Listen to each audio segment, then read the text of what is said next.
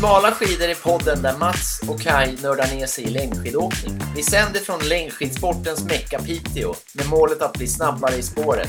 Och vi gör det genom att ta reda på allt som rör dyra skidor, starkt sporttryck och intervaller. Nu kör vi! Och ta som smala skidor. Ja, är det inte där han Kaj är och Mats? Ja, men precis. Hallå, hallå! Tjena, tjena! Hur står det till?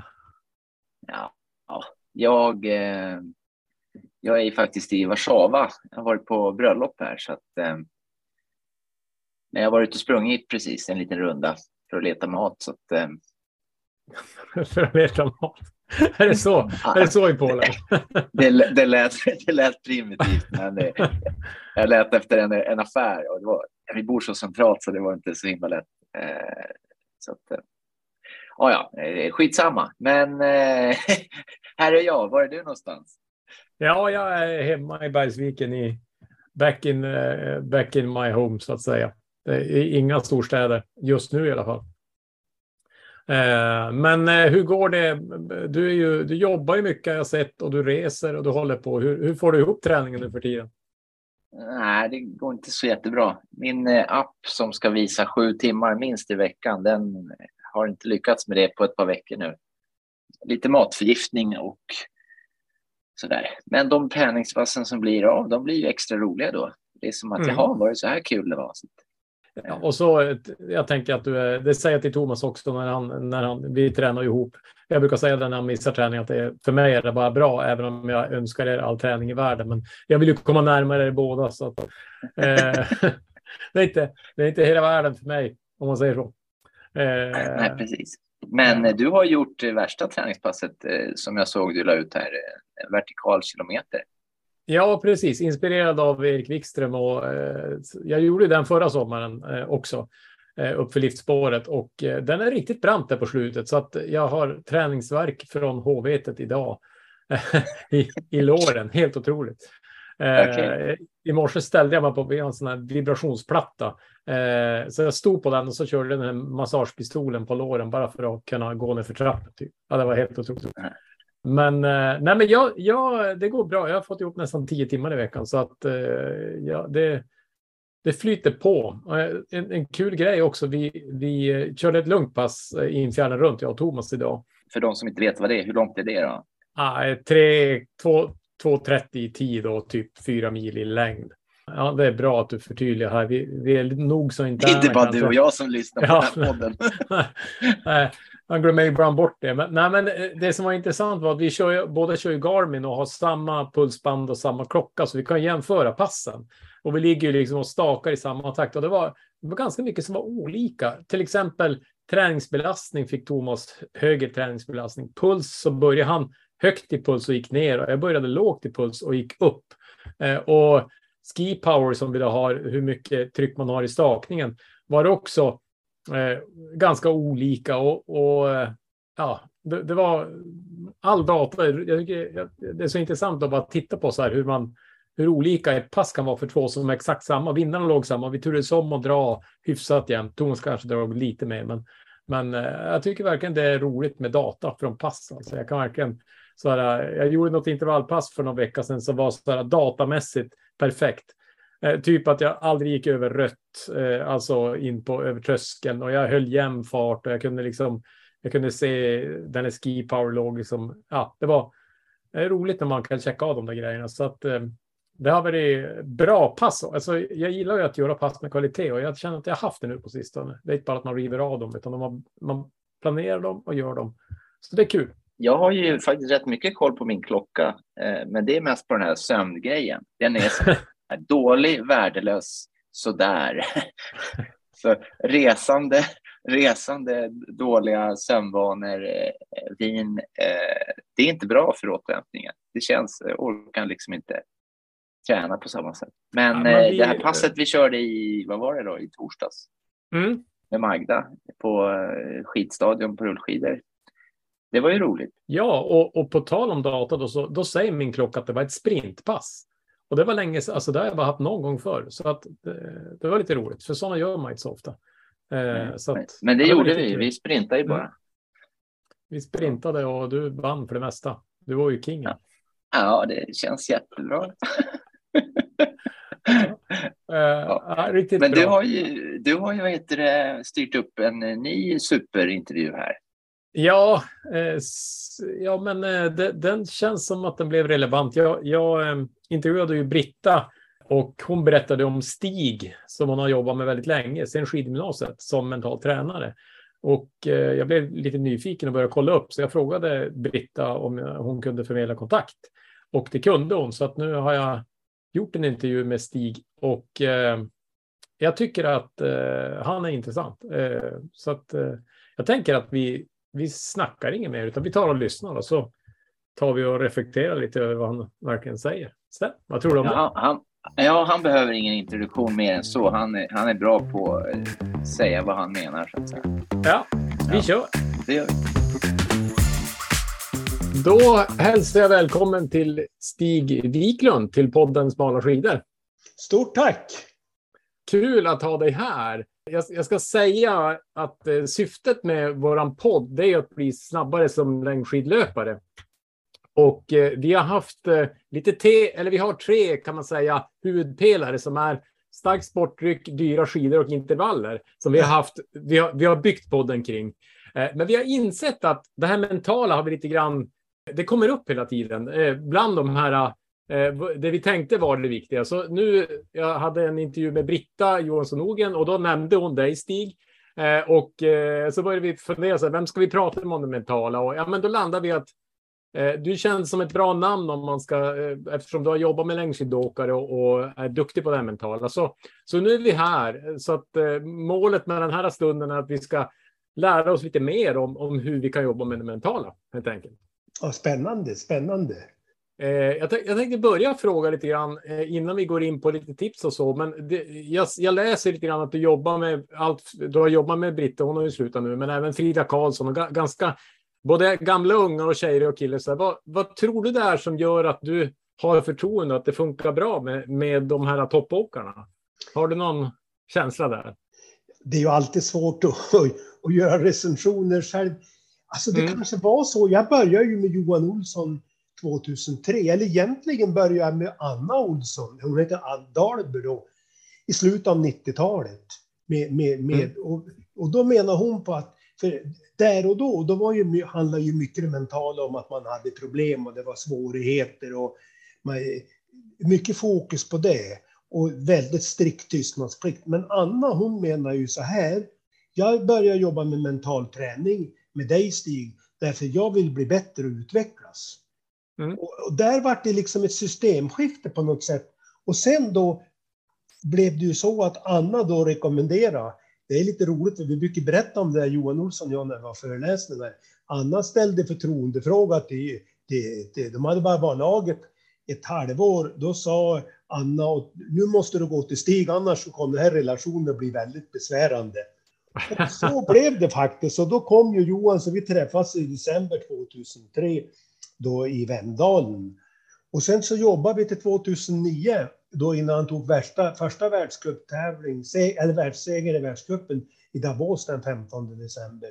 Så det där mm. var ju häftigt. Och då växte det här, och då var ju, det växte fram då kan man säga på skidsidan. Och då var ju Anna väldigt nöjd och tyckte det hade gått väldigt bra. Så tog hon OS-guld 2006 i Tryn.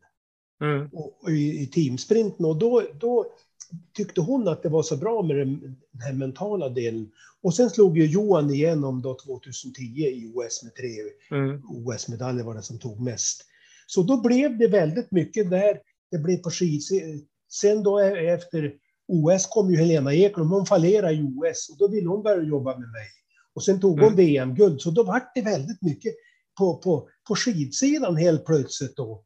Och sen då blev det ju Frida Karlsson då och William Poromaa och de var ju bara 15 år när jag började jobba med dem. Väldigt ja. tidigt. Så att, ja. där, sen har jag ju väldigt många andra. Jag har ju Emil Forsberg i fotboll och Marcus Danielsson och flera med landslag i, i Aris Gulason, Islands fotbollslandslag och Jocke Nilsson som har varit svenska. Så att det mm. har ju varit... Sen därefter blev det ju mera bredd på Ja, men jag förstår och det är ju så. Jag, jag, jobbar ju själv i reklambranschen och bästa säljaren är ju det senaste jobbet man gör. Så att, eh, det, jag tänker att du har väl byggt upp en bra track record eh, som gör att du har förtroende hos de här skidåkarna. Ja, Det är sen, sen, sen tror jag jag har kanske jobbat lite annorlunda än många andra. Jag jobbar ju väldigt långsiktigt, för jag sa när jag började exempelvis med Frida Karlsson då, att skulle vi gå in i ett samarbete, då är det långsiktigt, det långsiktiga som gäller. Det är, Mm. alltså, jag ser det på fem, tio års sikt. Och det där Mm. skapar ju en trygghet eh, eftersom du blir så prestationsorienterad och då är det så lätt att du blir prestation. Och då Mm. menar jag så här att du måste se hela människan och du måste vara långsiktig. Och det där har skapat någon form av trygghet, att de känner det där. Det är inte bara jag som skidåkare, utan Stig bryr sig hela mig och det tror jag är viktigt. Det är ju det Johan Olsson lyfter fram, hålla väldigt Mm. mycket. Att, eh, inte bara prestation, utan hela person. Ja, men det är bra. Bra, bra inspel. Jag, jag tänkte, för, för oss, vi har ganska mycket fokus kring långlopp då, i, i vår podd. Och den största händelsen och det många siktar och sätter sina mål hos, det är ju Vasaloppet. Och, och jag, för mig personligen också så är det ju där många av de mentala Alltså, eh, så här, man har massa mentala grejer inför Vasaloppet för det är så mycket stök. Eh, vi, vi till exempel som bor där uppe i Piteå, vi ska ju ta oss ner och vi ska bo och vi ska äta och vi ska sova. Det, det är liksom inte bara att så här, åka någon, en timme och så åka skidor. Jag tänkte vi skulle för skojs skull testa att ta oss lite grann genom Vasaloppet. För där tror jag att våra, många av våra åkare, eh, eller våra lyssnare eh, som åker skidor, eh, kan ha lite igenkänning. Och, och lyssna till hur, hur du skulle kunna hjälpa. Då. Och, för det, det är mycket som kan gå, kan gå fel och det är mycket man kan noja om här. Och jag tänkte så här, om vi börjar med förberedelserna, om vi säger då veckan innan till exempel, så, så där börjar ju nojorna. Äter jag rätt? Har jag form? Är jag möjligen förkyld? Jag känner lite grann så allt det här. Hur, eh, hur eh, liksom, har, har du något tips där för hur man kan jobba när man är liksom på gång in mot något? Och för en för Frida Karlsson så, så kanske det skulle vara motsvarande ett stort mästerskap. Men, men jag tänker så här, hur, hur jobbar man här en, en, ett tag innan för att liksom hitta en bra mental status? Eller vad jag ska säga. Jag kan säga att jag har ju idag varit ute och åkt tre och en halv mil rullskidor så att jag, och jag har ju åkt flera halvbaser, inte på hela Mm. Vasaloppet, men halvbaser. Och jag gjorde det för att jag ville förstå Britta.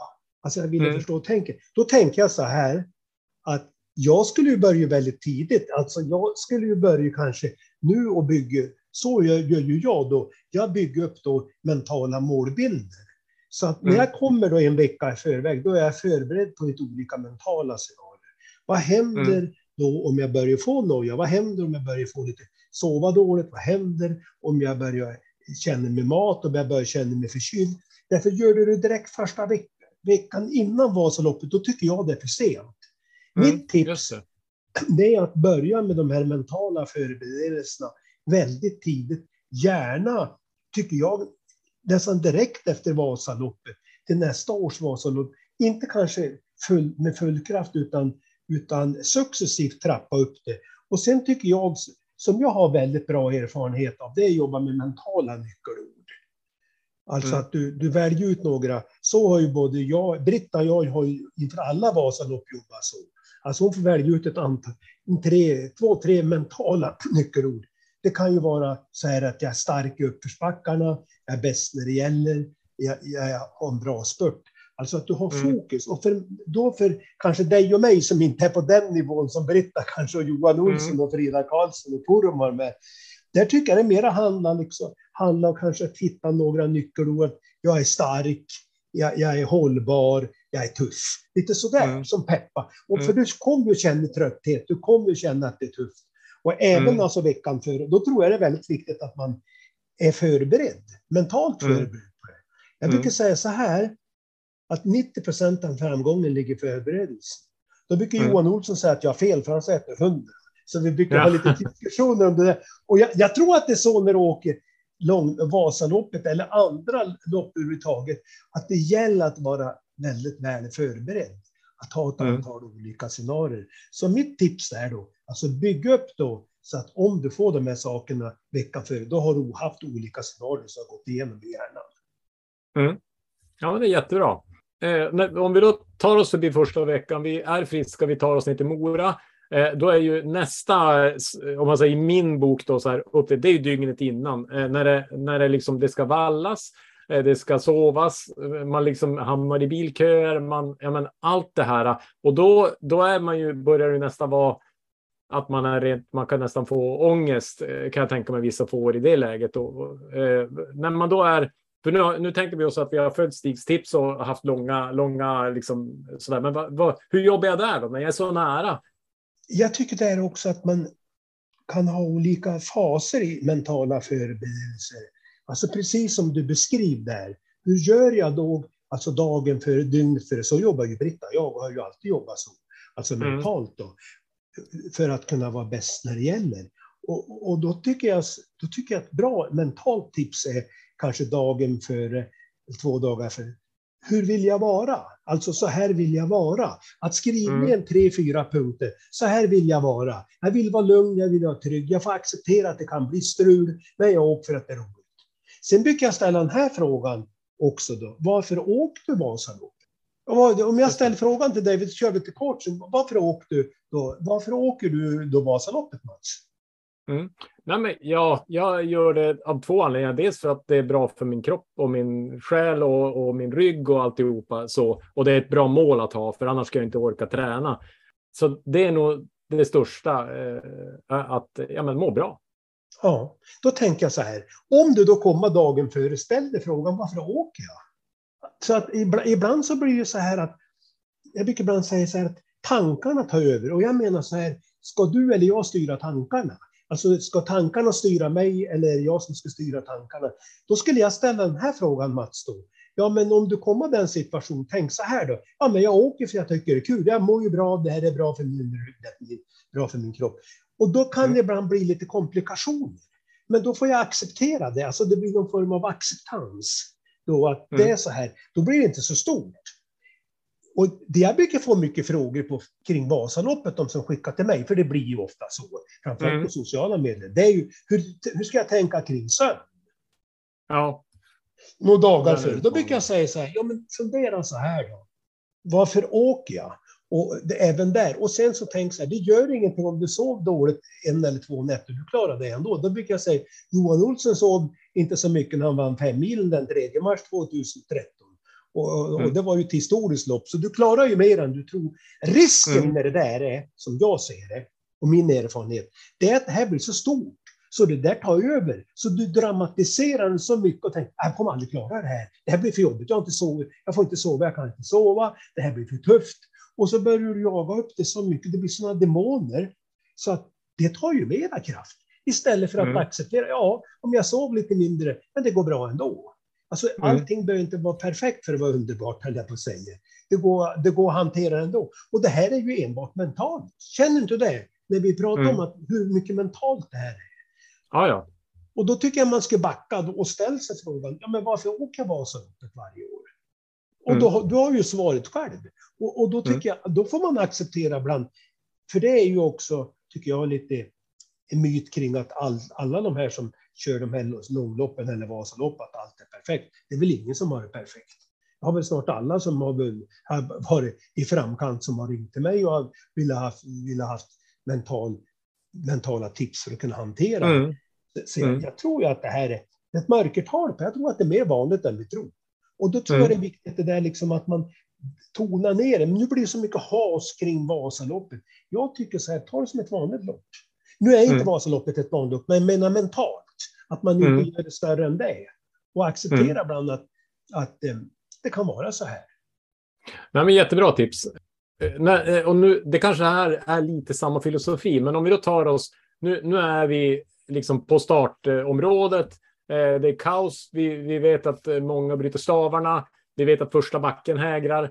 Eh, och man står där Eh, finns det några bra tankar att sätta i kroppen där? Eller, eller är, det, är det samma tankar som dygnet före? Eller finns det något annat som jag kan sätta för att liksom skapa energi? Eller liksom, finns det där något som jag kan jobba med när, när vi är liksom... Alltså jag, jag tycker... Jag, jag tänker så här mentalt, att man har olika faser i ett Vasalopp. Dels har du alltså förberedelserna en vecka före, som du säger, dagen före. Och så när man står där. Jag tycker man ska jobba då kvällen före kanske med en målbild. Att du ser en bild av att det här går bra för mig, att jag är lugn och trygg och att det här känns bra. Därför mm. jag tror att de flesta felen uppstår när, du blir, när det blir stresspåslag. Mm. Och då tror jag det är väldigt viktigt det där att, att man då har en klar bild av vad, vad, vad som man vill att som ska ske. Och då kan jag Mm. tänka, min målbild skulle kunna vara så här, på din fråga där. Ja, jag känner mig lugn och jag är trygg. Och, och det här kommer att gå bra. Och går det inte bra, då får, då får jag försöka lösa det där. Och då, Mm. Det vi pratade om det igår faktiskt. Vi spelade in ett, eh, ja, en annan poddavsnitt och då sa vi just det att Vasaloppet är ändå få lopp som man hinner reparera eh, om något går dåligt. Alltså knäcker du staven så kan du hinna få en ny för det finns ett system för det och, och har du en svacka så kan du hinna må, eh, så att det är ju ändå eh, lite förlåtande på så sätt. Många har ju eh, gjort bra lopp trots att det har hänt saker. Ja, och, och- det tycker jag också man ska ta mentalt, med sig mentalt. Att det, det, det kan hända så mycket. Det har jag ju varit med om också när jag åkt halvbaser. Att det kan hända så väldigt mycket. Där att du kan få, helt plötsligt så blir du jättetrött och sen går det ett tag och så är du pigg igen. Och, och Mm. sen skulle du ha dåliga skidor så kan du ju valla om. Jag tycker ibland att man ska acceptera de här bitarna. En sån här övning jag brukar göra med, inför VM och OS, de jag jobbar med, det är att de får göra ett, ett, eh, olika scenarier, vad, vad som kan hända.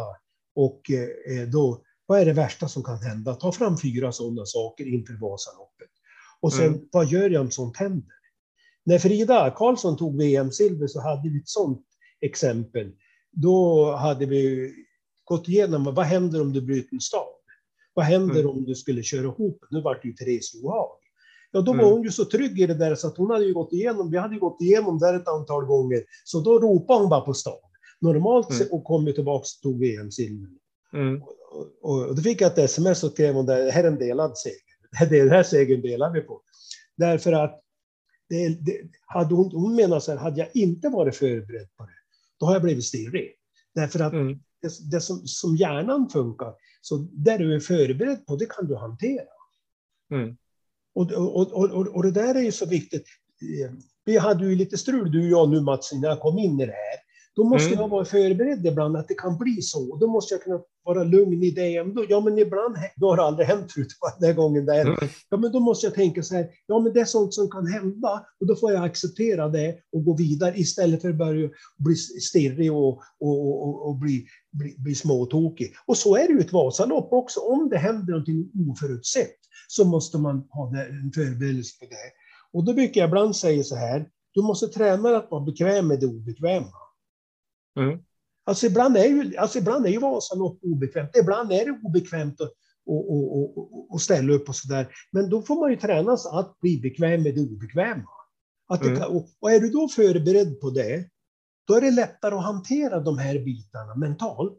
Det är ju min Mm. erfarenhet från alla typer av idrotter där jag jobbar med. Alltså, det handlar väldigt mycket om att vara mentalt förberedd på, på olika scenarier. Mm. Och har du gått igenom det, då blir det inte så stort när det händer. Nej. Och då kan Nej, man träna, förstår. och då kan man träna i förväg, kan jag tycka då, eh, med de här bitarna då, när du är ute och, när du är ute och tränar. Så träna på det. Vad händer om det här skulle bli ett stavbrott? Vad händer om jag skulle köra omkull? Så att du har en plan, mental plan för de bitarna. Och, vad, och framförallt, vad händer som, om jag blir trött, ordentligt trött? Ja, då kan du ju också då ha några mentala nyckelord som när du blir trött, att du sen stoppskyltar nu ska jag tänka på ett annat sätt. Jag har Mm. mycket mer att ge. Precis. Nej, men jag, jag, eh, jättebra. Jag, jag tänker för sista frågan kring, eller liksom kring Vasaloppet, det är ju när vi då åker själva loppet och, och där är det ju precis så här. eh, Man blir sliten eller oförutsedda händelser. Eller, eller, men de, de, jag förstår ju enligt din filosofi och som jag tror också på, det är att är jag förberedd så, så är jag ju beredd när det då händer de här sakerna. Eh, är det något annat man kan säga om, om det mentala underlopp? Finns, finns det något mer där? Alltså, jag, jag, jag tänkte säga så här också. Man kan ju kvällen före också skriva upp. Jag brukar, som, som jag gör åt alla jag jobbar med, ja, men som Britt har haft, hon har vunnit Tjejvasan och Vasaloppet. Alltså ta fram tre till fem saker som gör att du känner dig stark. Mm. Därför om du står, och så skriv ner, alltså själva skrivande har en klargörande effekt. Alltså Mm. skriv de, här sakerna känner jag, känner att jag, jag är stark i kroppen, jag äter bra, jag, jag känner att jag är väl förberedd. Och sen då, Mm. hur, vill, hur, hur vill jag då ha loppet? Alltså Mm. mentalt. Då, då, Mm. blir du så, då, blir du, då blir du så stark. Och kommer du då i situationer i loppet där vi säger att du har, eh, jag ska vara stark i uppförsbackarna när du kommer, där känner du trött. Och du där, då är det som mentalt mantra, jag är stark i uppförsbackarna. Mm. Jag visar förut att jag är stark. Får du väldig energi. Mm. Och, och, och det där kan, kan jag tycka är, är väldigt bra. Så där har jag, jobbar jag ju med alla då, med lite olika i, i, beroende på vilken person det är. Jag kan också ha den här typen att eh, vilken är din eh, tuffaste målbild du har? Mm. Det är också sånt där, det där har ju Frida och jag jobbat med då. Hon slog bland annat Therese Johaug då i Holmenkollen. Då hade hon den tuffaste Mm. målbilden. Det var ju att de kom in på upploppet samtidigt och att hon avgjorde. Alltså, och då kan du själv bygga upp sånt här att du ser det, då blir du också stark. Mm. Ja, det är ju häftigt. Jag tänkte, du nämnde ju Britta någon gång här och, och jag, vi, vi är ju alla imponerade av hennes jämnhet och allt det där. Nå- Något som Britta pratade om lite grann, det var ju det här med tacksamhet. Som jag också tycker är intressant när vi har intervjuat skidåkare och även när jag lyssnar på intervjuer. Det, det verkar vara lite genomgående att många som är starkt mentalt också jobbar med tacksamhet. Kan, kan du berätta lite grann om, om för jag, jag får för mig att Britta har fått det från dig, Ja, eh, eh, de tankarna. exakt. Alltså, vi kan väl säga så här, att när Britta och jag började jobba, då var hon, gick hon på skidgymnasiet i Sollefteå. Det var samma år som Frida Karlsson föddes för övrigt. Mm. Och då, då var hon ju som hon själv beskriver väldigt blyg. Hon var väldigt eh, självkritisk och hade prestationsångest. Mm. Och då jobbade vi mycket med övningar där hon fick skriva vad hon gjorde bra och vad hon var stark på. Sen efter ett tag brukar jag jobba så här. Då går jag in på tacksamhet. Därför tacksamhet innen, och då får hon skriva upp då tre saker hon är tacksam över varje kväll. Och så får hon skicka till mig eller hon skriver upp själv. Så kan du, det, det, är ju, nu tar vi Britta, men det är ju precis Mm. så för dig och mig. Alltså ha Mm. någon form av tacksamhetsdagbok. För det, Mm. och det här är ju väldigt vanligt i USA, rent generellt. Det här jobbar jag med mycket, de här jag jobbar på arbetsplatsen med också, för jag har ju mycket andra som jag coachar idrottare. Och då tycker jag det är en så jäkla stark övning. Därför det här Mm. att, för, alltså risken är ju när man åker Vasalopp, om det är motionär eller toppidrottare, det är att du får så prestationsfokus. Till slut blir du mer rädd att misslyckas än glad att lyckas. Så, Mm. och det här, men, och då, som jag jobbar med, min mentala filosofi, det är att jobba mera med hela personen. Ja, men vad är du tacksam över, Britta? Och ibland så fick hon inte ta skidåkning. Mm. Utan hon fick ta allting annat och det gjorde ju att hon blev så stark. Mm. Och då, sa, då kunde vi köra en månad. Nu får du inte ta någonting vad det gäller tacksamhet på eh, eh, skidåkning eller prestation. Och, och då byggde vi upp andra filosofier och det gjorde ju det där att då blev, kände hon att hon mådde bra, både i ett skidspår men utanför också. Och så fick Mm. hon, skickade jag till hon varje kväll och så fick hon svara. Mm. Och, och, det, och, och, så, och, och så kunde vi göra så ibland inför ett Vasalopp då, att eh, två månader före, att då fick hon skriva en månad exempelvis saker hon var tacksam över. Och det här Mm. gjorde att du tonade ner det här med Vasalopp och hysterin kring det. Och det där funkar ju för dig och mig också. Alltså att man skriver. Och, och, och det där tycker jag, jag brukar lägga ut, jag, på, på min, jag lägger ut eh, varje morgon på Instagram, i LinkedIn och Facebook. Och då har jag mycket sådana här små liksom, mentala inspirationstips. Typ att skriva upp tre saker du är tacksam eller ha fokus på tacksamhet.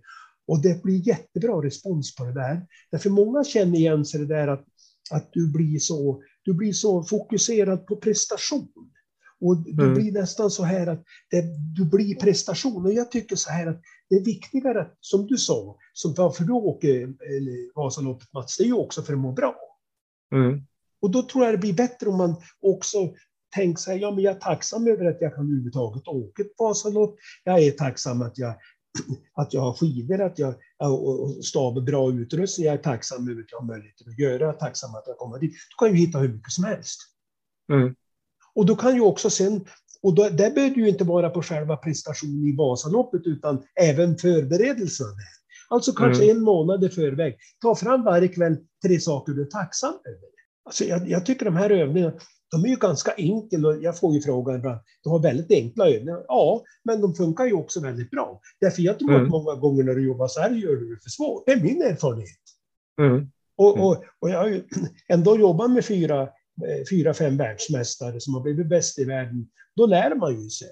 Och Mm. 275 i VM, OS, SM-medalj var 60 guld. Du lär dig ju det där. Alltså du Mm. lär dig det där och se vad är det som funkar. Och ofta är det ju de här enkla sakerna och att och ha fokus på det som är på sidan av skidåkningen. Så tror jag det är på en Mm. arbetsplats också. Där blir det också prestation. Jag tror att man ska ha mycket mer fokus på hela människan. Jag tycker vi är alldeles, och det brukar jag, när jag har föreläsningar brukar jag prata mycket om det här, att försöka ha fokus på hela människan och inte bara på det du presterar. För till slut blir du bara en prestationsfaktor. Ja, men det är jättebra. Jag, jag tänkte eh, vi, nu, vi eh, elitmotionärer och motionärer, vi har ju inte turen eller, eller medlen att få ha Stig som mental coach. Och du har gett redan lite tips, men jag tänker så här, jag såg också att du hade en föreläsning till att coacha sig själv. Eh, bortsett från, från eh, ja, men till exempel att jobba med det du nämnde, vad finns det mer inom det eh, som vi kan göra som är enkla tips inom att, att coacha sig själv? Jag var lite nyfiken på det. Det är, ju, det är ju en bra fråga. Jag tycker också en sån här bra coachfråga är vad mår jag bra av? Jag skrev faktiskt ett häfte som hette Må bra och prestera bättre. Och, och, och, tillsammans med en tjej som är professor i pedagogik, Lena Boström. Och där tittar vi mycket på det här, att bara hitta det här du mår bra. Och så har, har vi lagt upp ett träningsprogram på, på det är 12 veckor eller om du vill köra 12 månader. Just sådana här saker, dagens höjdpunkter, får du skriva det en vecka eller en månad. Eller det kan Mm. vara gett med positiv energi, eller det kan också vara bara vara tacksam över. Och på det sättet så blir det så bra därför att då får du, an, du får ett större spektrum. Och, och det här tycker jag är bra att coacha sig själv. Just att hitta de här teknikerna. För ofta är det ganska svårt. Sen jobbar jag med en annan teknik som jag också tycker är faktiskt är lite bra och spännande. Mentala påminnelser. Ja. Så på min, alltså du skriver, på min dator nu har jag då en påminnelse. Ta en mental rörelsepaus flera gånger per dag. Jag blir så engagerad så jag kan ju stå för en hel dag vid datorn. Då har jag Mm. så här, alltså mina påminnelser, ta en mental och rörelsepaus flera gånger per dag. Varva ned mentalt och fyll på med positiv energi. Har jag så benböj och tåböj. Mm. Och det där gör jag, då ser jag det här och då, då bryter jag. Då blir det som en triggers, alltså en utlösare. Det är också sånt där bra tips att man har bara en lapp just när det gäller sådana här bitar. Mm. Ta en paus, en, rör på det, eller vad du själv tycker är viktigt. En del har Mm. den här, eh, då, så här vill jag vara idag. Och i, i morse la jag ut på, på de här sociala medier det här med att ha mål varje dag. Det är Mm. också en sån där enkel grej som du kan göra som, som du mår väldigt bra av. Ja, men idag är målet då att träna exempelvis, att ringa eh, tre samtal eh, som jag behöver göra. Och då får du, får du en, en, en bra struktur. Och det behöver inte vara så stort. Alltså ibland så tycker jag man, min erfarenhet är att du gör det så stort. Alltså jag, tror, Mm. tycker, jag har ju jobbat med alltså toppledare, jag jobbar ju med toppledare och Mm. toppresterare. Och de är så befriande glada över att det är så enkelt. För jag tror Mm. många gånger att vi gör fel, eller att det blir så stora grejer, det ska vara så märkvärdigt. Ta det här med att träna exempelvis. Ja, då ska du ut och spring, springa en mil. Jag har bara gjort så här, jag går ut, jag bor alldeles här i Sundsvall, vid, eh, utanför husen nästan så är det eh, ett naturreservat. Så jag går ut och springer 3-4 kilometer varje morgon. Jag springer Mm. inte en mil. Jag är ju uppväxt med det här att man, när man är ute och tränar, då ska du nästan spy. Du ska springa en mil och så ska det vara nära döden upplevelse. Då du Mm. tränat. Tänker jag Mm. precis tvärtom. Jag går ut varje morgon och så kör jag där och sen så eh, går jag en promenad med min hund Johan. Han är döpt efter Johan Olsson, skidåkare. Då så har Mm. en liten hundvision. Och, och då får jag en jättebra start på dem. Eller jag börjar rättare sagt med de här lite mentala övningarna, typ vad är dagens viktigaste mål, vad blir bra idag? Sen kör jag lite Mm. mindfulness, bara gå ner i varv. Jag går på så hög energi så jag måste träna med att gå ner ibland. Och sen gör jag det, ja men då, är- då, då, då blir det inte så, det blir inte så stort. Och det där kan ju alla göra utifrån sina förutsättningar. Och det Mm. där är ju också en träning inför Vasaloppet. Börja träna lite mentalt och sen på kvällen, då avslutar jag med lite mindfulness, gå ner lite varv Och så skriver jag upp tre bra saker jag gjort och så har jag stegräknare. Så jag skriver också upp många steg jag har tagit. Jag har Mm. snittat 14 000 steg. Mm. Ja, men då får jag ju en bra, då får jag också en väldigt bra sömnkvalitet. Därför det som jag tror man gör fel många gånger, det är, det är det där att du tar med dig all stress och press som går under dagen när du lägger dig. Och så har du svårt att sova. Då lämnar jag Mm. det åt sidan. Då kan du ha om du vill en orostund. Det jobbar jag med Helena Ekholm och Olsson, för de, då, de, även om de vann loppen så var de ju kritiska och tyckte det, var, då, det inte funkar bra. Ja, då, så, då sa jag, då får ni sätta en timme och älta och tycka synd om er själva och, och ha den nere orostund. Sen körde vi ner det till 50 minuter, 40 minuter, 30 minuter, sen vart det 10 minuter. Och, Mm. och, och det där är ju också ett bra sätt och, och, att du skriver upp under dagen om det är saker som stör dig eller du känner att du oroar dig. Ja, men ta en stund och gör det då. Så avslutar det med de här, typ den här frågan. Vad är, men vad är jag tacksam över? Vad gör mig positiv? Vad är bra? Då får du liksom, då får du, och sen kan man ju välja utifrån sina förutsättningar. En del kan, man behöver inte göra så mycket. Och när, jag, när jag jobbar så här, då försöker jag göra alla de här övningarna själv. Så att jag känner att jag vet ungefär hur det funkar, hur det är. Så tycker jag det känns mer trovärdigt att jobba som mental tränare och coach om man gör övningarna själv. Och då ser jag ju också det här, exempelvis det här med stresspåslag. Jag har, kör ju ganska hårt och mycket. Men om jag då sätter mig varje morgon en stund och har lite mindfulness. Mm. Jag kör bara ett par minuter så. Mm. Och så avslutar jag på det. Ja, men då går jag ner och så ett par gånger per dag så går jag ner i varv. Sätter jag knyt nävarna som triggers och så går jag ner i varv och sätter mig. Någon minut. Mm. Eller då står jag bara och tittar ut över Sundsvall vid fönstret. Fyller jag Mm. på med energi. Jag har aldrig, Mm. alltså, och det där är så spännande då. Därför jag har aldrig varit sjuk. Alltså jag har inte en sjukdag i hela mitt liv. Nej. Jag går ju på hö, jag tror jag alltid haft två jobb. Men, men Mm. det bygger tror jag väldigt mycket på det här att eh, ha förmåga att kunna gå ner i varv. Så när vi är klara här, då går jag ner kanske en eller två minuter, väldigt mycket i varv. Sen då tar jag an med uppdragen jag ska göra. Och på det där sättet, då sparar jag energi och får energi. Då kan jag, och sen om jag ska ha någon coaching nu ikväll då, med en väldigt framgångsrik kille, då, in, utanför idrott, ja men då får jag energi där. Och så när jag är klar med det, då går jag ner i varv och sen så tar Mm. jag resten jag ska göra. Och sen innan jag går och lägger mig då, då går jag ner i varv och kör lite mindfulness. Väldigt Mm. enkelt. Mm. Alltså på ett par minuter. Och det, och Men det du, där, nej, men jag tänker att du, du jobbar med att växla energiläge lite grann och lära Ja. dig att eh, jobba så. på och av. Och det här lärde jag Ja. mig när jag jobbade med Johan Olsson, för han sov ju med skidorna. Vi skojar ju om det där. För han, han kunde inte gå ut och fika, han skulle ha skidorna med sig. Han levde liksom, han var ju både manisk och magisk, men det, tog, det Mm. kostade för mycket. Och Mm. då lärde jag mig det där, det där pratar Johan och jag mycket om, att han måste träna så att fylla på energin var bäst när det gäller. Det var han inte, utan han var jämnbra. Och det, enligt mitt sätt att se det, vilket han delar, så byggde det där på det att han förbrukar konstant samma energi och kunde aldrig gå upp eller gå ner. Och då Mm. började vi jobba mycket med avslappning, med mindfulness. Då tränar ju, och även Britta har jag jobbat mycket så här med, också då, att träna så att gå ner i varv för att sen kunna vara bäst när det gäller. Alltså, eller då tänker jag så här, tänk om du åker till ett Vasalopp, att du har den energin precis när du står där. Det, nu pratar jag ju, det är ju mera för att det kan vara en igenkänningsfaktor, men det är precis samma för dig och mig Mats. Du kan Mm. inte ställa dig på startlinjen och så har du så mycket tankar och känslor så du blir trött utav Mm, det mentala. Då, då, ska du, då ska ju du också, då, du och jag, vara som bäst där. Och då måste du förbereda på det där så att du har energi. Precis som du går på ett jobb eller gör någonting annat. För Mm. Min erfarenhet nu är ju att de flesta går på så höga varv så att du är småtrött hela tiden och småirriterad och, och halvtrött. Och det där är ju en jätteutmaning.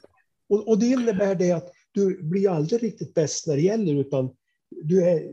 Och, och det här tror jag man måste träna så att hitta tänkesätt och en systematik i, vanor som gör att du kan hantera det här på ett bra sätt.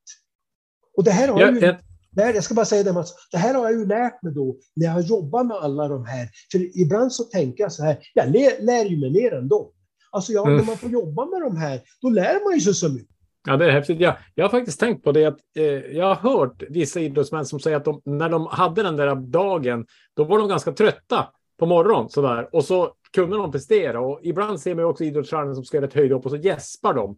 Alltså, jag tänker, kan det vara att de går, går ner lite grann för att sen slå på? Eller, eller, eller, eller är det bara att man liksom... Eh, ja, jag tänker, har man sovit djupt så kanske man är trött på morgonen. Eller, har du någon tanke om det där? Ja, jag, jag tror att det är väldigt, väldigt olika och det är väldigt individuellt. Mm. Men, men ofta är det ju så här att det gäller ju att, tycker jag, att kunna vara på och av.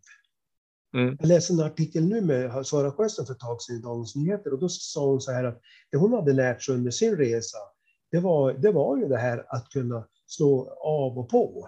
Och, och Mm. ofta så, så, så blir, går det på för höga varv. Det gäller också en motionär i Vasaloppet. Det blir så stort, du pratar med allt och alla om det. Du håsar upp och du sitter och pratar när du far dit. Och allting blir så märkvärdigt. Så när du står på startlinjen är du så trött mentalt. Mm. Därför all energi har gått av före. Och jag tycker det är precis tvärtom. Så, och det Mm. var ju så med Britta i början. Och då pratade Britta och jag mycket om det här. Du måste ju ha mest energi när du står på startlinjen. Då kan du ju inte vara trött, vilket hände att hon var tidigare. Mm. Och, och det Mm. här tror jag liksom är så viktigt. Och, och så är det när du går på jobb också. Och då menar jag när du kommer hem från jobbet, då måste du kunna bryta. De flesta tar ju med sig jobbet och tankar och känslor med sig. Jag brukar jobba med så här triggersteknik. Då när du, om vi säger du åker bil och så kommer du hem, då sätter du en stund, en minut i bilen innan du går in och så lämnar du jobbet. Mm. Eller så kan du göra så att du byter om. Det har jag alltid gjort. Alltså när jag, när jag kommer hem, då, eller även om jag varit på en föreläsning coachuppdrag, då byter jag om direkt. Mm. Då lämnar jag det. Sen kan jag Ja, gå in och jobba lite ändå, men jag lämnar det mentalt, just Mm. den biten. Så jag har inte med mig det där. Ja. Och, och sen ett annat väldigt bra tips. Det är kanske Johan Olssons absoluta favorit eh, eh, som han brukar alltid berätta om. Han, eh, då, och det är ju det här att utvärdera. Mm. Och då, då eh, jobbar jag så här att om du tänkt då att du har tränat eller tävlat, tre saker jag gjorde bra, vad jag kunde ha gjort bättre och hur. Och så kan Mm. du göra på jobbet om du vill eller överhuvudtaget. Och du, kan, du behöver inte göra varje kväll. Johan och de där, de är de är ju så maniska och magiska, kan jag på säga. Så de, Mm. jag kan ju tycka så här, man kan göra en fredag. Mm. Och det kan man ju göra med, med, med familjen också. För det är ju, det är ju en sån där grej jag har kört, apropå det vi pratar om tacksamhet då. Det gör ju frugan och jag, vi kör ju varje dag så kör vi vad jag är tacksam över. Och, hon är, och då blir det, blir ju också väldigt bra. Sen kan du växla det där, men alltså att du har lite sån där typ av... Och så kan du ha det på söndagar en del, har ju också så veckans höjdpunkter eller vad har vi varit tacksamma över den här veckan. Och det Mm. kan ju barnen vara med. De är ju jätteduktiga och tycker sånt här är jättebra. Mm. Det där får jag ju jättemycket eh, feedback på. Och det var ju Mm. därför vi tog fram det här häftet också, Må bra, prestera bättre. För jag upplevde det att hitta en struktur på hur du kan göra så där. För det är svårt, även om du sitter och lyssnar så här nu, så är det ju svårt för en lyssnare att kunna, det är så mycket och vad ska man börja och vad ska man göra? Mm. Då, då tycker jag, sen kan man ju hitta på det här själv också, men, men det finns ju på min hemsida, www.se. Och det här gör jag mera för att jag brinner mycket för att ge tips och att folk kommer igång. Mera det, än- jag är inte liksom säljorienterad eller penningdriven, utan min filosofi det är ju, eller värdegrund eller livsvärde, det är egentligen, det är att hjälpa andra att eh, må bra och bli bättre. Och, Mm. och det är också en sån där sak som är intressant, för hittar du de där livsvärdena, då Mm. blir det ju så här ett livsvärde för dig, du röra på det och du ska må bra. Ja, men då är det lättare att träna. Mm. Precis som jag förut idag. Jag har ju det som livsvärde att jag ska hälsa och må bra. En, en grej jag skulle vilja kolla av med dig. Eh, jag, eh, Charlotte Kall är ju en annan Sundsvallsbo eh, som, som har lagt av nu. Och eh, jag, jag sitter i styrelsen i Piteå Elite, så jag har ju följt henne ett antal år. Och eh, hon, hon är ju ganska... Alltså hon vill skydda sin... När hon åkte var hon väldigt... Alltså håller journalister borta liksom. Men det var ganska så uppstyrt. Och sen, sen när hon då berättar att hon ska sluta så har hon ju SM-helgen kvar. Och så åker hon fantastiskt bra. Eh, och hon har liksom, det har varit kaos dagen före. Eh, massa samtal, sociala medier bara exploderar. Och så liksom en hel helg så åker hon sin bästa skidåkning på många, många år. Och jag tycker det där är väldigt intressant. Eh, tror du att hon skyddar sig själv för mycket? Att det blir liksom, skyddandet blir nästan mera press än att, eh, eller, eller liksom, vad, vad kan du se för psykologi i det där? För jag tycker det är jättespännande. Det, du såg ju, Britta vann ju Levi också sista Ja. lång, lång, långloppsloppet. Hon hade ju aldrig vunnit Mm. Levi. Där jobbade hon mentalt på att hon skulle få ett bra avslut och då får du extra Ja. energi. Du får extra påslag. För hon ville Mm. verkligen. Jag tror ibland när det gäller idrottspsykologin och tävlingar att du kanske inte går på hundra alla gånger. Utan eh, att du, du, du kanske stannar upp lite grann därför att eh, du, ja, du tar inte ut det helt och hållet. När det gäller den där delen som du säger om Charlotte, där tror jag också, min erfarenhet ska jag säga, det är ju, det, det är ju att de, man är väldigt olika. Alltså jag har ju Mm. jobbat med många världsstjärnor, eller jobbar ju med mycket världsstjärnor, och de är Mm. olika. Alltså en del, du ser som Frida Karlsson, hon gillar ju, och hon söker nästan publicitet, hon tycker inte det är någon Mm. utmaning. Då pratade jag med Magdalena Forsberg, hon sa till slut blev media tog för mycket energi och kraft.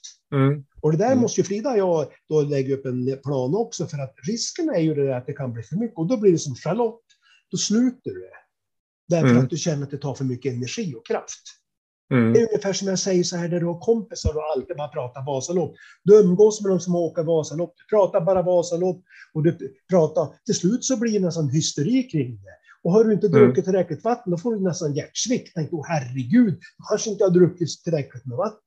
Och jag kanske inte har ätit tillräckligt. Alltså du håsar upp så mycket mentalt. Då tror jag det nästan är bättre att ibland att man har en professionell distans. Jag brukar ibland Mm. tänka så här i sådana här situationer. Man får dansa i regnet. Alltså man får lära sig, man kan inte hindra stormen, utan man får lära sig att dansa i regnet. Alltså ibland är det Mm. lite så här. Och då, Mm. och då får man försöka göra det bästa av den situationen. Acceptera ibland. Jag tycker acceptans är bra. Att det är tufft och att det är, liksom, det är svårt ibland och det, det blir sånt här. Och att man har lite professionell distans Mm. till det man håller på med. Mm. Kanske mera fog. Som du, jag tycker du har väldigt klokt där du sa att jag gör det för att må bra. För du kände Mm. en himla skillnad om du säger så här, om jag frågar dig Mats, vad är det viktigaste för dig? Ja, det är ju för att du ska få röra på dig, det är för att du ska må bra, du ska och, och ryggen och så vidare. Eller om Mm. du säger så här, nej men min ambition det är att åka Vasaloppet på fem timmar. Då blir ju Mm. det som blir viktigt. Mm. Och för en del passar ju det, men jag tror det viktigaste det är ju det att du har ett livsvärde på det, på det där. Målet är att jag ska åka på Vasaloppet, kanske strunta i tiderna och göra det där för att det här mår jag bra. Då blir det, Mm. Känner inte du det att det blir på ett annat sätt?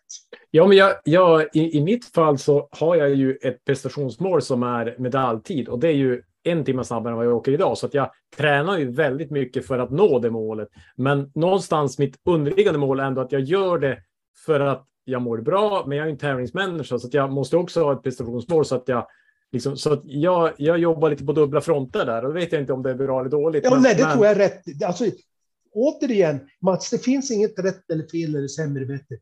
Jag tycker man ska träna sig på att hitta, det här passar för mig. Mm. Jag har ju skiftat där nu jag, för, för egen del. För mig är det viktigt nu, om jag åker halvvasan, det viktigaste för mig det är att komma runt och ha en upplevelse av det. det jag tycker det är resan dit som är viktigast för mig. Jag, åkt mina, Mm. jag brukar lägga ut på sociala medier när jag åkt 25, 50, 75, 100 mil. Och, och, Mm. Men det tar inte tid. Utan jag, jag har gjort en skylt där det står 25 mil och så kan jag pricka av det och så 50, 75 och 100. Mm. Och så njuter jag själva resan. Jag tycker Mm. resan är, det viktigaste så. Och, och det är många tror jag som passar det. För många kan det bli, känner inte det att det kan bli nästan för mycket fokus på prestation så att det blir nästan liksom nackdel utav det. Mm, absolut, det, det tror jag också. Eh, vi pratade faktiskt om det just det här med tävlingar. Vi, vi har ju inom klubben lite så här eh, klubbtävlingar där det kanske är 25 personer med och jag, jag, jag inkluderat och andra kan ju ha nästan större ångest för att åka en Ja. sån tävling än ett Vasalopp. Eh, för då känner jag alla och, och det är bara tre som jag kan ta rygg på och, och har jag inte en bra dag så lyckas jag inte med det. Och, ja, och så undviker man nästan de där tävlingarna som är ganska viktiga för att liksom, komma i form. Så det, det är ju, Vasaloppet kan jag gömma mig med 15 000 andra. Så att det, det kan ju vara det omvända också för många, tänker jag. Ja, absolut. Absolut. Men jag tänkte på här, det är så Karin Boyes fina citat. citat då. då finns det mål och mening i vår färd, men det är vägen som är mödan värt. Mm. Alltså jag kan tänka så här lite grann ibland att jag tror att ibland blir det för prestationsorienterat. Jag tror att många skulle må bra liksom och känna som ett livsvärde. Jag ska ta mig igenom Vasaloppet då. Och sen kan man kanske där då, för att jag, jag, jag mår bra av att träna, jag mår bra utav att eh, då göra, göra de här aktiviteterna, beteendena som krävs för att åka Vasaloppet. Och sen då tror jag man kanske skiljs åt att, eh, att man en del måste ha tider för att bli motiverad. Andra kan ju bara känna själva upplevelsen. Och, mm. och, där tycker jag man ska göra det som passar in. Men är det så att mm. det tar för mycket, att det blir negativ energi, mm. då tycker jag man ska ta bort det. Då är det bättre man hittar annat och ger det positiv energi. Det är helt okej. Okay. Eh, ja, men bra. Jag, jag, hade också en annan fundering. Eh, jag var med om en liten intressant grej personligen för eh, ett par veckor sedan. Jag gör intervaller några gånger per vecka på rullskidor. Och då åker jag med olika rullmotstånd på, på rullskidorna. Eh, och så åker jag då ett varv med två år och ett varv med fyra. Och fyrorna går ju då trögre. Eh, och så den sjunde intervallen, så när jag åker iväg så tror jag att jag åker på tvåor, men jag åker på fyror. Eh, och ungefär, jag har ungefär i snitt då på fyrorna 16,5 kilometer i timmen på den slingan. Och nu åker jag 18 helt plötsligt. Eh, och jag har aldrig lyckats åka så fort. Utan någonstans var det ju min mentala bild av att jag åkte på tvåor som gjorde att jag åkte på ett visst sätt. Och jag tyckte det där var jätteintressant. Så jag, jag tänkte bara fråga dig, så här, finns det dels eh, om du har någon reflektion kring just det, men också så här, finns det några mentala lur man kan göra? Kan man, kan man liksom boosta sin prestation? Eller, eller för det där luret blev ju tack vare att jag inte visste, men, men ja, finns det något spännande, någon story eller liksom någon tanke kring, kring det här? Nej, alltså jag tror ju att det är mycket valda sanningar. Det, det var ju lite kul apropå kring det här när Frida Karlsson som junior så i första tävlingen hon var med var hon ju fyra. Då. Så berättade mm. hon ju nu i tv då. Och att då ringde hon till mig och så var hon jättenöjd och så sa hon så här att ja men nu har jag ju gjort nästan mitt VM när jag var fyra. Ja men så om du blev fyra kan du väl ta medalj.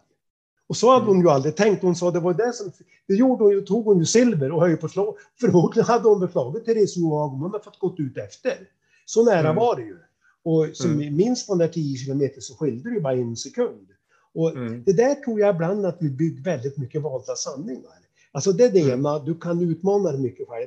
Sen så, det andra, det tycker jag det är att det gäller att kunna vara, bli bekväm med det obekväma. Därför hjärnan väljer alltid den lättaste vägen. Det är ju en överlevnadsmekanism för hjärnan. Mm. Och då är det så att hjärnan styr ju ofta det där när det kommer de här situationerna. En annan liten rolig episod på det där som, som Johan och jag jobbar med då då, eh, inför femmilen i mars. Johan var ju ingen femmilsåkare. När jag började jobba med Johan sa han, är ingen femmilsåkare. Här sa jag, hur vet ni det då? Nej, han är för lätt i kroppen. Till slut trodde han ju själv. Mm. Men, men, då när han fallerade, då 19 var det ju i, på 15 kilometer, då i VM, då sa men då, då skulle vi ha som mål att försöka ta det här på OS, 10-50 kilometer. Och, och då jobbar vi fram tre mentala nyckelord. Då, jag är uthållig, jag är stark, jag har en bra spurt. Jag var tvungen att titta, jag har, jag har dem här på, på, på väggen. Där, ja. Då. Och, och, helt plötsligt så slog han ju de här som han hade aldrig haft en chans i spurten på fem mil och mm. vart ju trea då. Och helt mm. plötsligt så, så var han en fem och så skickade han till mig, men hur gick det här till? Jag är ju egentligen ingen femmilsåkare. Men vi hade ju byggt upp det här. Ja, men du ska mm. kunna ta en medalj, du är så pass duktig och du, du, nu när du jobbar med mentalt, då blev det ju också en vald sanning. Så det är mm. den ena delen. Och då börjar vi då sen att jobba inför fem milen då att vara bekväm med det obekväma. Alltså när han tränar, när i november när det är som jäkligast, då skulle, då, det är ju många då som får ont i fötter, och du vet det där om man känner ja, att man måste ta det lugnt. Då sa jag till Johan, då gör vi mm. precis tvärtom. När du tränar tre timmar så tränar du 3.30. Därför då mm. bygger du den här mentala styrkan när du kommer ett femmilslopp. Om det då blir dåligt väder, om det händer någonting, om du då är förberedd på det, då har hjärnan tränat det där tillräckligt mycket så då kommer det, bli, kommer det gå jättebra. Och då vann han ju den här femmilen därför att han var ju lugn hela, trots att han, han var ju skadad dessutom när, på den här mm. femmilen, vilket inte alltid mm. har kommit fram. Men han var ju så inställd på det här och hade ju tränat så mycket i tuffa förhållanden.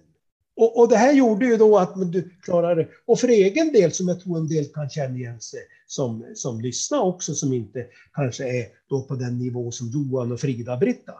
Jag flyttade hit till Sundsvall, så bor vi på Norra berget och från stan och hit upp är en ganska brant backe, eller ordentligt mm. brant backe. Och där brukar då Frid, eller Charlotte och Palla och Johan svepa förbi. Och så Mm. tänkte jag när jag började åka skidor då, för då fanns inte södra Bergestad. Hur ska jag klara att åka den här backen? Nu måste jag ju tänka mentalt, för den var alltså ordentligt brant. Mm. Vilket också Johan och Charlotte sa att det här är en väldigt brant backe. Men jag tänkte Mm. jag, jag klarar 10 procent av backen. Ja, jag fixade Mm. 10 procent, åkte det. Men jag tänkte, kan jag fixa 10 kan jag fixa 20. Så fixade jag Mm. 20, 30, 40, 50, 60, 70, 80, 90. Och till slut hade jag stakat för hela backen. Och vad Mm. beror det här då på? Jo, därför att jag, min inställning var det här är omöjligt. Vilket det egentligen var också om jag hade börjat och kört och skulle staka hela backen har, har det varit jättesvårt. Ja, då tänkte Mm. jag steg för steg. Så jag körde en hel sommar, började. Så var, då, tyckte, då tyckte Johan att det här var ju helt fantastiskt. Att, att det mentala betyder så mycket. Där ser du effekten. Därför att om jag då hade sagt, ungefär som du säger om dina eh, då, hjulen. Alltså att det, det är Mm. så mycket, när vi håller på att träna och håller på så, är det så mycket valda sanningar. Ibland måste man vara bekväm med det obekväma. Mm. För det var ju obekvämt för mig att staka, men jag fixade ju. Ja, det, det är intressant. Eh, mycket intressant. Och det, det, Eh. jag tror att det handlar väldigt mycket om att våga vara bekväm med det obekväma. När man, och då får man ju ta det steg för steg. Och det är ju obekvämt att åka Vasalopp också, men då får man ju bli bekväm med det. Det där pratar Britta och jag väldigt mycket inför Vasaloppen också. Nej, alla jag, är jag, vi, vi sa ju det, jag sa det att alla är ju trött när du är trött också. Du kanske är den som är minst trött. Och det hade Mm. hon ju aldrig tänkt på. nej, och jag, jag har ju slagits av det att jag, jag har ju åkt, eh, ja men första gången jag åkte tog det väl 9-10 timmar. Och så minne, men det är ju, eftersom man åker efter sin förmåga så är man ju alltid trött oavsett hur länge det tar. Ja, Eh, så, att, eh, så det är ju liksom en, en sanning som alla får genomlida. så det är ingen skillnad. ja, det, exakt så är det ju. Eh, Sen, sen kanske man, man, egentligen de största prestationerna är väl de som åker på 14 timmar. Eh, så, som liksom eh, större än att åka på fyra då. Men, men, men, men eh, det är rätt intressant i alla fall.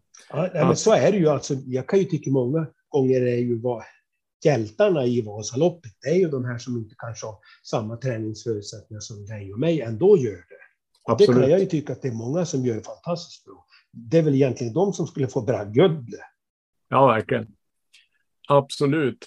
Du, eh, jag börjar ha slut frågor, men jag, eh, eh, något jag skrev ner här som en sista, så här, nu har vi ju pratat om ganska mycket tips, men, och, och du sa ju också, jag tyckte det var bra du sa det, att ja, men, när man nu har hört på den här podden så hör man ju massa saker, men det kan vara lite svårt att sortera och vi har ju bombat med tips här, så det är ju eh, Positiva Kicken eh, är ju din hemsida, eller hur? Ja.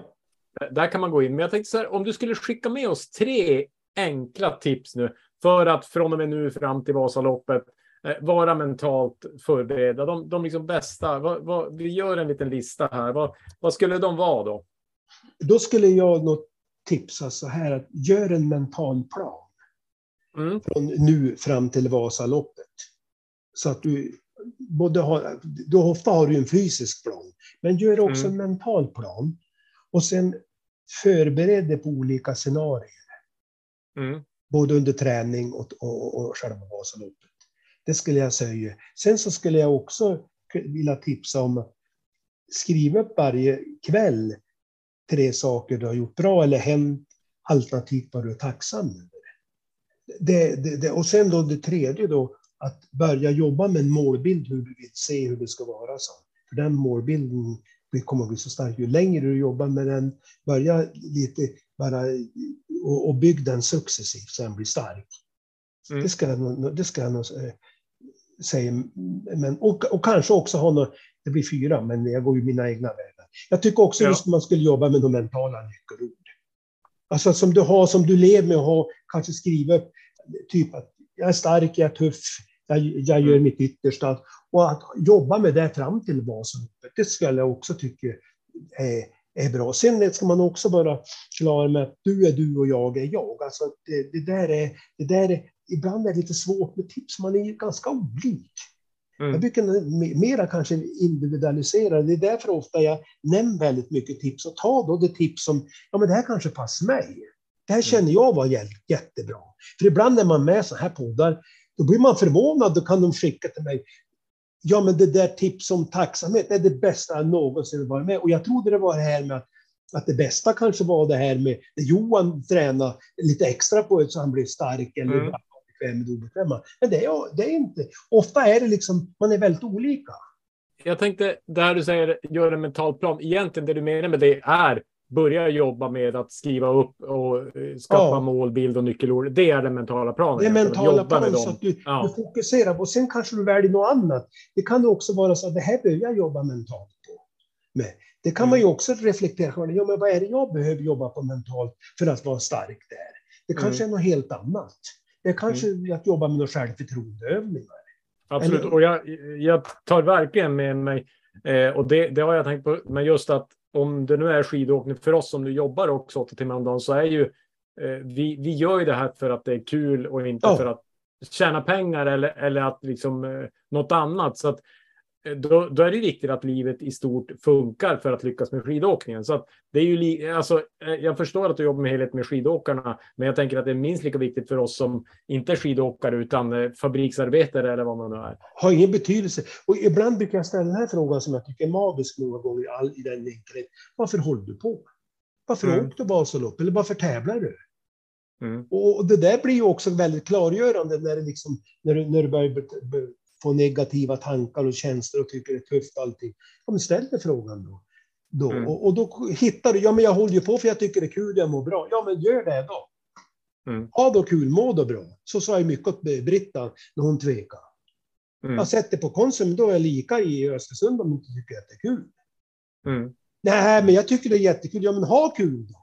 Alltså Mm. du tappar bort lite grann, du, du, man går lite vilse i det där ibland, mentalt. Jättebra. Eh, Jag tar det som slutord och eh, säger tack till dig Stig. Sådär. Eh, Det var Stig det.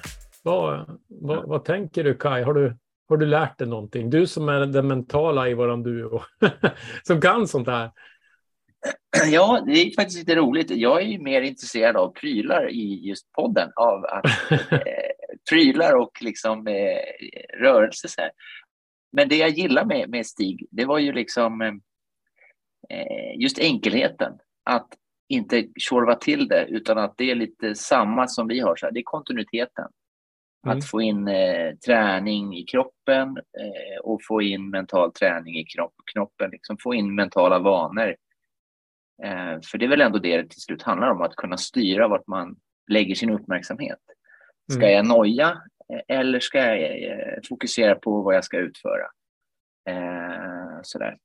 Och några grejer har jag faktiskt tränat på själv. Det var en period i mitt liv där jag ältade mycket och sådär. Så då började jag älta medvetet. Liksom. Jag började framför spegeln så jag också såg den där jobbiga ältaren. Liksom. Så jag ältade en kvart liksom. Det var ju tortyr eh, för jag blev medveten om det. För annars Mm. mm. bara pyser ut hela tiden. Eh, så jag ältar inte så mycket nu mer. Så att, eh, det är många grejer som, som, som, som jag gillade. Men just att, ja, att det, är, det är inte så svårt. Det är enkelt, men det är kontinuitet och att få goda exempel från eh, eh, kanske ja, våra förebilder, sådana som man ser upp till liksom, kring skidåkning. Så det, Mm. det var jätteroligt. Sen verkar jag vara en skön lirare så det blir ju jag är nästan lite avundsjuk att jag inte fick snacka med honom också. Så att, eh, ja. Ja, men det är ju, jag tycker det är fascinerande att, att, eh, att han liksom får förtroende med sin enkla metod och, och, och många liksom inser att det fungerar. Eh, så det är, det är ju häftigt. Annars kan man tycka att inom skidor så är det lite hokus pokus här och var. Eh, men eh, nej, det är kul. Nå, något som jag fångade också som jag tyckte var lite intressant, det var det här med att slå av och på. Alltså gå ner i varv och verkligen så slappna av. Att, att många liksom använder upp sin energi. Eh, och det, det tror jag, det, alltså där kan man lära sig mycket. Att liksom verkligen så här, eh, kunna, ja men som runt Vasaloppet är det ju ett e- e- evigt fixande och stressande och ätande och pack. Vi har ju pratat om det där du och jag flera gånger. Eh, och Ja. kunna liksom bara vara liksom manana. Jag tror att du är ganska bra på det där Kaj, är min känsla. På, på att vara av och på. Eh, ja, jag har ju tränat en del på det. Ja. Nej, men och, och ha kvar Men det- energin när det är dags. Ja, precis. Eh, Men det där är ju, om man tittar på um, folk som blir sjukskrivna och kring utbrändhet och så där, så är det Mm. ju eh, en anledning. Det finns tre, tre liksom anledningar varför man blir typ utbränd och det funkar inom idrotten också. Det är liksom, en är ju att man inte kan reglera sin energi. Vi har en mm. viss mängd energi och så hur ska vi hushålla med den då? Och eh, sen när man ska då använda den under ett lopp eller en speciell dag, då behöver man ju liksom planera lite grann. Så att just det där av och på. Ja, så att det. Jag tyckte det var super, superbra eh, och att det är enkelt, att det, liksom, det är inte så tjorvigt. Men man behöver ju träna på det där. Man behöver liksom mm. göra, göra det till en övning. Det blir lite som när vi tränar våra intervaller, liksom, eller liksom, man, man, idag kör vi lugnt eller idag kör vi hårt. Eh, att det inte blir halvhårt eh, mm. om man inte bestämmer sig för det. Liksom. Mm. Nej, men jag, jag gjorde så. Jag, jag har suttit och redigerat nu och då har jag skrivit ner så saker som jag kan jobba på. För första gången jag, när jag satt i samtalet och så har jag hört den en gång till också, så jag har hört den tre gånger. Eh, så jag tänker att för er lyssnare som vill prova någonting, han sa ju det också, Stig, under intervjun, att, att man kanske får liksom börja med något enkelt, och, och men just att ta fasta vid någonting. Eh, och, och, då är det ju så här super basic, alltså vad man kan börja med. För jag menar, all, all sån här, det vi kan vara medvetna om, det kan vi ju styra över. Det vi inte är medvetna om, det kan vi inte styra över. Så man tränar ju på att bli medveten om sina tankar, vad man lägger mm. fokus mm. liksom, eh, och så vidare. Och sen som man sa, eh, om man är förberedd, liksom, om man har haft det här scenariot i huvudet. Det är som när man ska bygga en trätrall som vi båda har gjort. Mm. Man planerar den först i huvudet eller på ett papper och sen så försöker man göra, göra den ungefär lika bra i verkligheten. Och det blir mm. sen, mental träning blir att man, man planerar sitt lopp i huvudet och så gör man en gång till i praktiken och då är man redan erfaren för då har man redan gjort det en gång i huvudet. Mm. Eh, så att, eh, det är det vi gjorde lite med sportdrycksflaskor och sånt där förra säsongen, att vi, vi förnulade på olika lösningar och för att lösa problem. Så att, eh, mm tänker mig att så kommer det bli i år också, fast vi kommer att lösa nya problem, för vi har redan löst några. Mm. Eh, Nej, men och, och nu är det ju typ ett halvår till Vasaloppet, så det är kanske är dags att börja träna sig mentalt. Att eh, jag, ja, men hit, hitta sin egen tanke om hur man jobbar. Eh, vad, vad, vad, man nu tycker känns bra. Ja. Jag har ju en, eh, en grej som jag vet att jag kommer att behöva träna på. Det är med att vi har beställt eh, skidor så kommer jag för första gången ha två par skidor att välja mellan och valla upp. Och då blir det liksom så här, ah, har jag valt rätt och alla de där utmaningarna. Så det blir någonting som jag ska träna på, att eh, ta det beslutet, hur gör jag det och så leva med det. Du, du fick det ändå, slutordet kring det psykologiska, det blev prylar.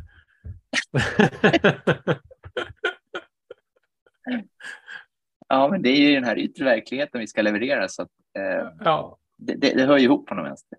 Ja, verkligen. Nej, men, eh, jag tänker att eh, vi, vi nöjer oss så och rekommenderar att lyssna på den ett par gånger och, och, och även gå in på positiv, positivakicken.se. Där kan man eh, läsa mer och beställa något häftigt och lite kort och lite smått. Jag tycker han, har har som, lite så här väldigt basic grejer och, och man, man, man, det är inga hemligheter för många av korten kan man ju läsa på sajten vad det står. Men, men eh, det var som inga hysteriska priser heller. Så att, eh, bra grejer från, från Stig.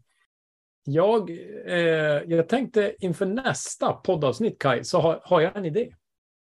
Ja, men innan, du, innan du säger den så kommer jag ja. på en grej. Att, eh, vi, an, vi bygger ju liksom varje avsnitt på eh, vad vi redan har gjort för avsnitt. Så det vill jag tipsa lyssnarna om att har man börjat lyssna nu inför den här säsongen så lyssna i kapp. För vi gjorde jättemånga, som jag tycker, bra avsnitt där vi löste knutar och lärde oss massa saker. Så att, eh, ja, ja det var det... bara en eh, lyssna i kapp. Köp, ja. Köper verkligen det. Eh, och, ja, men man, vi bygger ju på vår kompetens, men vi vill ju också bygga på lyssnarnas kompetens. Så att, eh, det finns ju några guldkorn i historien, verkligen. Eh, ja. och, och, nästa, nu får vi ju se hur länge vi håller på i, i, och podda, men om vi nu utgår från att vi håller på en längre tid så kommer det att bli ett nytt avsnitt om skidspann och då tar vi ju det från där vi var sist eh, och, och, försöker lära oss ännu mer. Eh, så att eh, då är det bra att ha, ha, grunderna, eller om det gäller valla eller teknik eller vad som helst. Så att, eh, mycket bra. Och du hade en, en heads-up eller var en, vad, vad, vad skulle vi göra nu? Nej, nej men jag, jag fick en idé. Jag lyssnade faktiskt på en mountainbike-podd för första gången. Jag cyklar lite grann också. Och då hade de en liten grej att de, de inför då nästa poddavsnitt så hade de utmaningen att de, de fick spendera 3000 virtuella pengar var på att utveckla en mountainbikeåkare. Eh, och det var rätt intressant att höra hur de Alltså det kunde ju vara allt möjligt. Pumpa däcken eller ta lektioner eller ät bättre eller köp nya kläder. Alltså man kan göra ganska mycket för 3000 kronor och man kan göra ganska lite också. Så att, eh, jag tänkte utmana dig Kai här. Det, det blir lite ja. tävling nu. Kul. Så att eh, våran målgrupp tänker jag är en led fem-åkare, men det kan ju vara fyra eller sex eller så, men typ den kunskapsnivån. Och till nästa avsnitt, eller när vi nu spelar in, så, så får vi tänka ut varsin plan på hur man spenderar 3000 kronor bäst. Och jag tänker så här, om nu du som lyssnare tänker att det här är jag full koll på, skriv din, dina tips eh, på vår Instagram om du vill. Eh, men jag tänker att jag utmanar dig, så får vi se om vi gör någon poll eller någonting så folk får rösta. Det kan ju vara lite kul. Eh, det kanske blir exakt samma tips också. Det är väl stor risk för det. Vi har ju jobbat med samma podd. Vi har ju samma, samma kunskapsbank här. Ja. Vad tror ja, du? Är det se. något som du ställer upp på? Ja, men spendera pengar är, kan ju vara kul, speciellt när de inte är på riktigt. ja, exakt. Ja, eh, alltså, ja, eh, men det, det, hur skulle jag spendera 3000 spänn eh, för att bli bättre skid och optimera ja. liksom för att bli bättre på Vasaloppet, eh, led 5 eh, Exakt.